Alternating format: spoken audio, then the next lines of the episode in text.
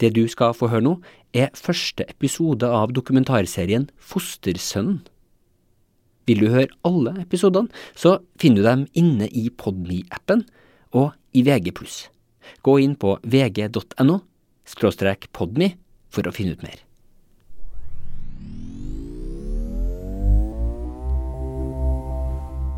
Lørdag 11. november 2017 er en tørr og kald dag i Oslo. Men inn på baren Oslo Mek, i et ombygd verksted i Teglstein rett ved Grønlandsleiret øst i byen, der er det varmt. Inn i baren står det en blanding av ulike 60-tallsstoler og sofaer rundt lave trebord. Og en av veggene er dekka av tunge, mørkerøde fløyelstepper. Litt som i en teatersal. Alene ved et bord inn i det mørke lokalet venter en 24 år gammel breiskuldra mann. Det strie, svarte håret hans er kortklipt. 24-åringen heter Amir. Han er en ung mann med ei komplisert fortid. Amir har venta nesten tre kvarter før en høy mann i 30-årene med brunt hår kommer inn døra fra kulda utafor. Mannen går bort til Amir og setter seg. Det er nesten ti år siden de to ble kjent. Men nå er det lenge siden de har hatt noe med hverandre å gjøre. Går det bra med deg? spør mannen i 30-årene. De ordene fanges opp av en lydopptaker. For denne mannen har bestemt seg for å ta opp samtalen. Stemmen du nettopp hørte, er ikke mannen sin ekte stemme. Den er fra en rekonstruksjon av dette møtet, laga av VG. Rekonstruksjonen er basert på ei avskrift av opptaket fra baren, skrevet av mannen sjøl. Jo, bra med meg. Overlever jeg. svarer Amir ifølge avskrifta. I samtalen som følger, så spiller én av de to personene teater for den andre. Enten så lyver Amir, eller så lyver mannen som tar det hele opp. Ja, jeg er litt sånn nysgjerrig på hva det er. Ja, du har ingen mistanke.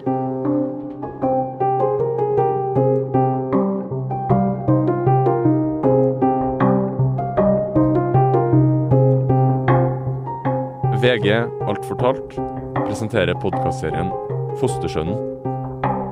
Laga av Askild Matre Aaserød og meg, Martin Folkvang.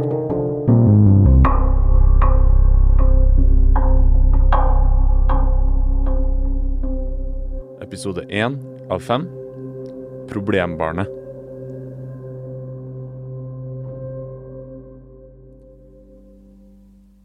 Den podkasten du skal høre nå, hviler på to spørsmål. Det første er hvem av de to mennene på baren på Grønland var det som løy? Og over det spørsmålet hviler det et enda større spørsmål. Hvem er det vi lar passe på de aller mest sårbare barna i samfunnet vårt? Dem som har blitt tatt ut av sine familier fordi myndighetene har konkludert med at de ikke kan bo der. Du skal få høre om hendelsene som leda fram til møtet mellom de to mennene der inne i baren. Og ikke minst om det dramaet som utspilte seg etterpå. Det er en historie om påståtte bestikkelser og utpressing. Og veldig tydelig og overbevisende på at han var, at han var uskyldig, at det var feilaktig, feilaktig tiltale. Skjulte opptak. Du snakker litt i koder. Jeg forstår ikke helt. Den lukrative private barnevernsbransjen. Da ser jeg at eh, fosterfaren kommer ut med et barn. Og to brødre. Ikke ring til politiet, det går bra med bare brødre. Vi har bare slåss litt. Mannen som tok opp samtalen med Amir på baren, kommuniserer med VG gjennom sin advokat. Han benekter alle påstander om straffbare handlinger som kommer fram i denne podkastserien her. Amir kan ikke lenger uttale seg.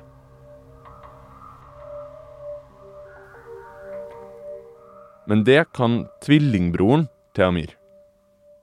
Og han visste at jeg så opp til han, og ja, så han, han, ville, han ville passe på meg. Si hei. Hei.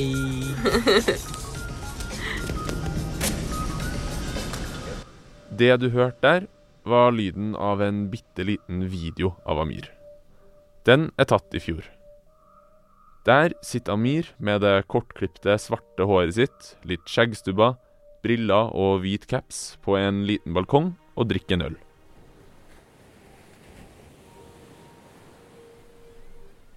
Amir og tvillingbroren var toegga. Mens Amir i barndommen var en breiskuldra gutt med stritt hår, så var broren spinkler, og det mørke håret hans krøllete. I 2004 så bodde tvillingbrødrene sammen med mora og stefaren på Bømlo. Ei langstrakt øy nord for Haugesund, hvor et par tettsteder, fotballbaner og bedehus er strødd utover. Alle kjenner alle. Um, ja, ganske idyllisk og fin plass ute på Vestlandet. Faren til tvillingene, som innvandra fra Pakistan på 70-tallet, bodde i Oslo. Da tvillingbrødrene ble født i 1993, vurderte den norske mora og den pakistanske faren både klassiske norske navn og pakistanske navn. De endte med pakistanske. Hadde de gått for den andre muligheten, ville Amir sitt navn vært Bjørn, og tvillingbroren ville hett Daniel. Derfor har tvillingbroren, som ønsker at det ekte navnet hans skal være anonymt, lyst til at vi skal kalle han Daniel i denne podkasten. Tvillingene Amir og Daniel brukte tida si på Bømlo til å sparke fotball. Amir sto i mål. Han var glad i eh, Peter Schmeichel og gamle United, så ja, tok på seg den rolla da, at han skulle bli keeper. Han var en sånn kapteinstype.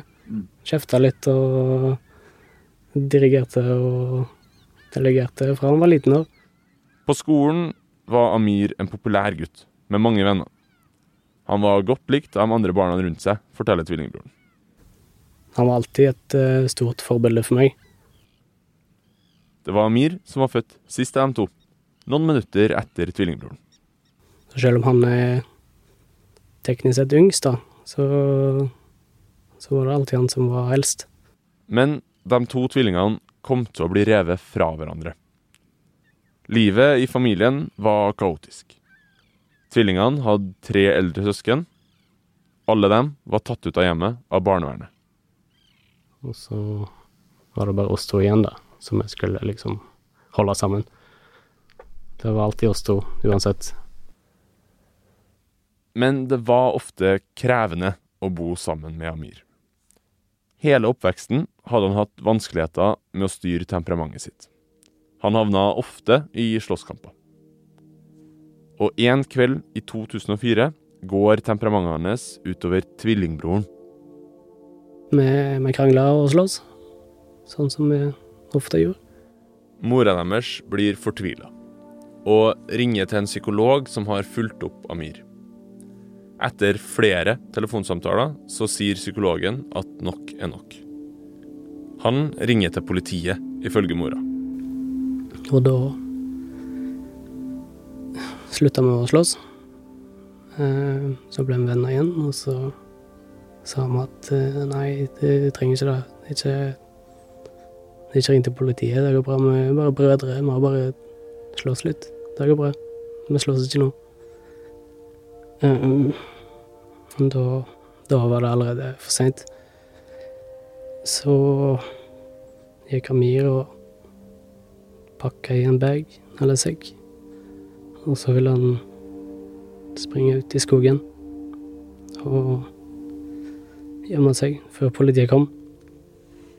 Eh, Men så sa, sa jeg til han at det er ikke vits i. Eh, Du kommer ikke Du kommer ikke noen vei. Vi kan heller prøve å snakke med de, eller så kommer du snart tilbake.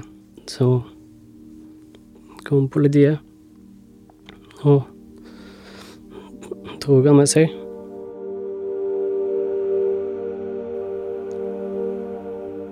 Elleveåringen ble kjørt bort og tatt hånd om av barnevernet. Tvillingbroren sto igjen hjem. Så, så gikk jeg vel bare opp på rommet mitt og la meg.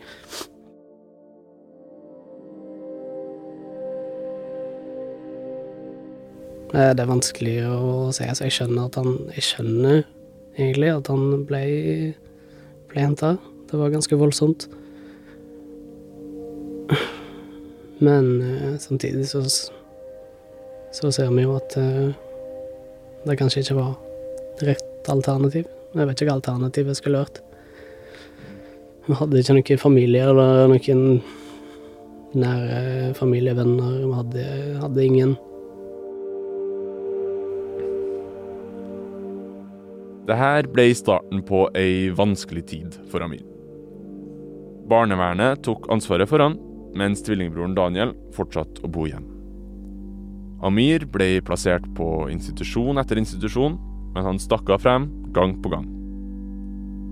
Han fikk flere ulike fosterforeldre, uten at det funka med noen av dem.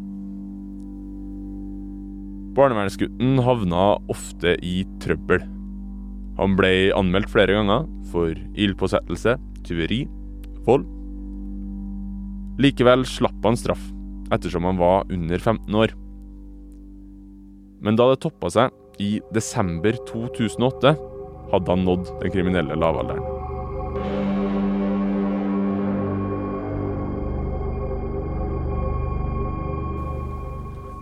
I et hus i Haugesund sitter en bevisstløs gutt bundet fast i en stol. I rommet rundt gutten er det åtte personer. De fleste av dem er barnevernsbarn som er eller har vært på rømmen. Blant dem Amir. Det har oppstått en konflikt som går utover den fastbundne gutten. Han har blitt kidnappa og tatt med til huset her. På forhånd har de åtte funnet fram gjenstander de skal bruke til å slå kidnappingsofferet med. Nå har de torturert han i flere timer. Da gutten svimer av, venter ungdommene rundt han på at han skal våkne igjen før de fortsetter. De holder han fanga i to døgn.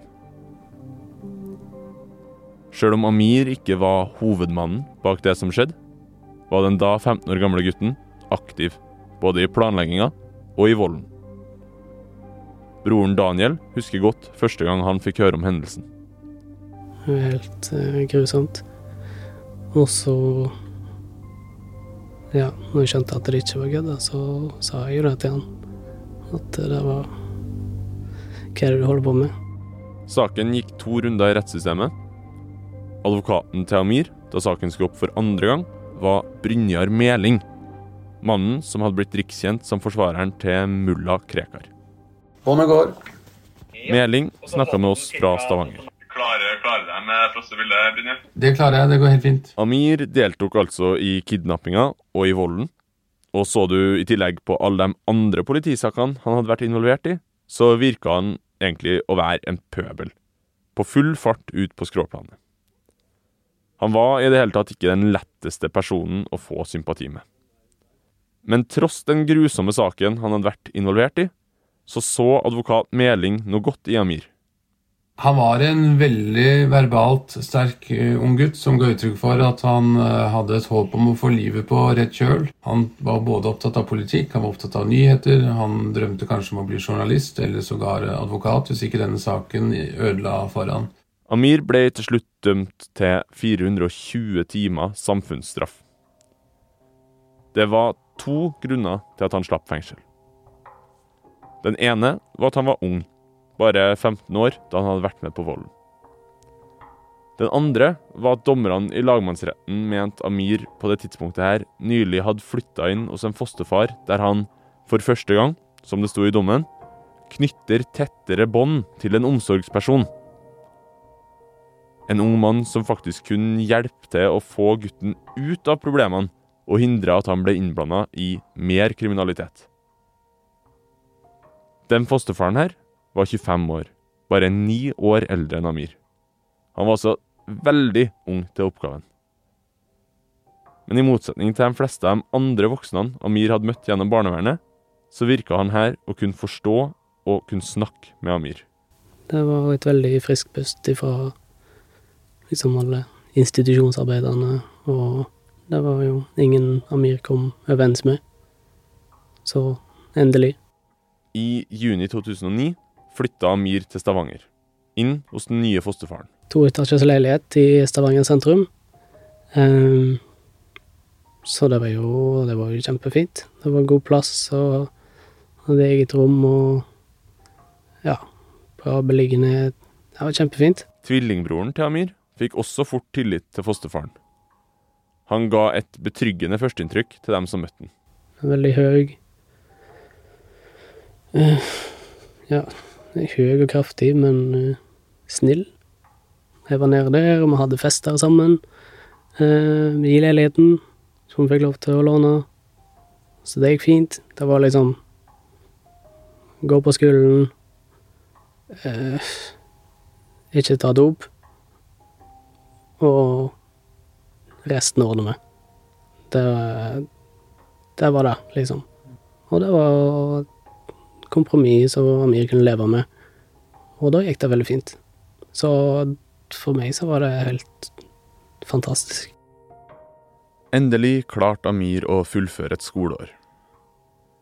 På et julekort den lille fosterfamilien sendte ut, smiler begge to til kamera mens Amir holder hodet til den unge fosterfaren fast under armen. Sånn, Så det ble mer liksom en kult rollemodell, eller en kul onkel, eller et eller annet sånt. da. Amir var fortsatt krevende å bo med. Han krangla og utagerte ofte overfor fosterfaren, men likevel så så det ut til å funke.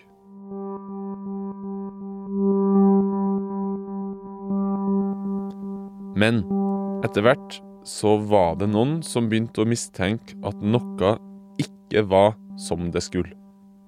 Det var en eh, nærhet og opptatthet som eh, begynte å oppleves som litt uprofesjonell. Før Amir ble stilt for retten i kidnappings- og tortursaken, så var det altså Brynjar Meling som skulle forberede forsvaret hans. Jeg tror ikke jeg var ett minutt alene med Amir, og det var litt påfallende. Eh, og jeg oppdaga òg en sånn veldig, hva skal jeg si eh, Litt sånn intensitet som etter hvert ble litt ubehagelig og litt sånn vanskelig å sette fingeren på. Men det var, eh, det var ikke nok til å slå alarm, men det var nok til at jeg stussa på det. VG har stilt fosterfaren flere spørsmål om tida Amir bodde hos ham. Han har ikke svart på noen av dem. I stedet formidla advokaten hans, Thomas Randby, at fosterfaren benekter alle beskyldninger om straffbare forhold som kommer fram i de kommende episodene. Fosterfaren har blitt utsatt for beskyldninger med stadige endringer av forklaringer og påstander, mens han sjøl har forholdt seg til samme forklaring i hele perioden, sier advokaten.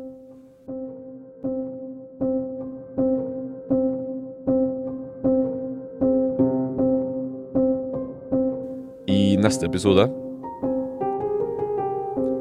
Amir får en uventa telefon.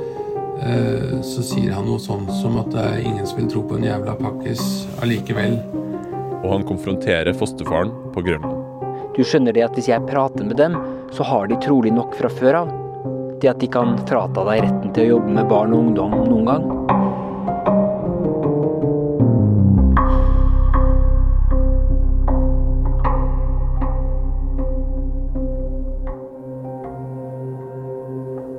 Podkastserien Fostersønnen er laga av Askild Matre Aaserød og meg, Martin Folkvord. Musikken er spesialkomponert av Ronny Furuvik. Fotojournalist i tekstsakene er Tore Kristiansen. Design av Jonas Nilsson. Promotrailer av Jonathan Falk Systad. Ansvarlig redaktør for Alt fortalt er Gard Steiro.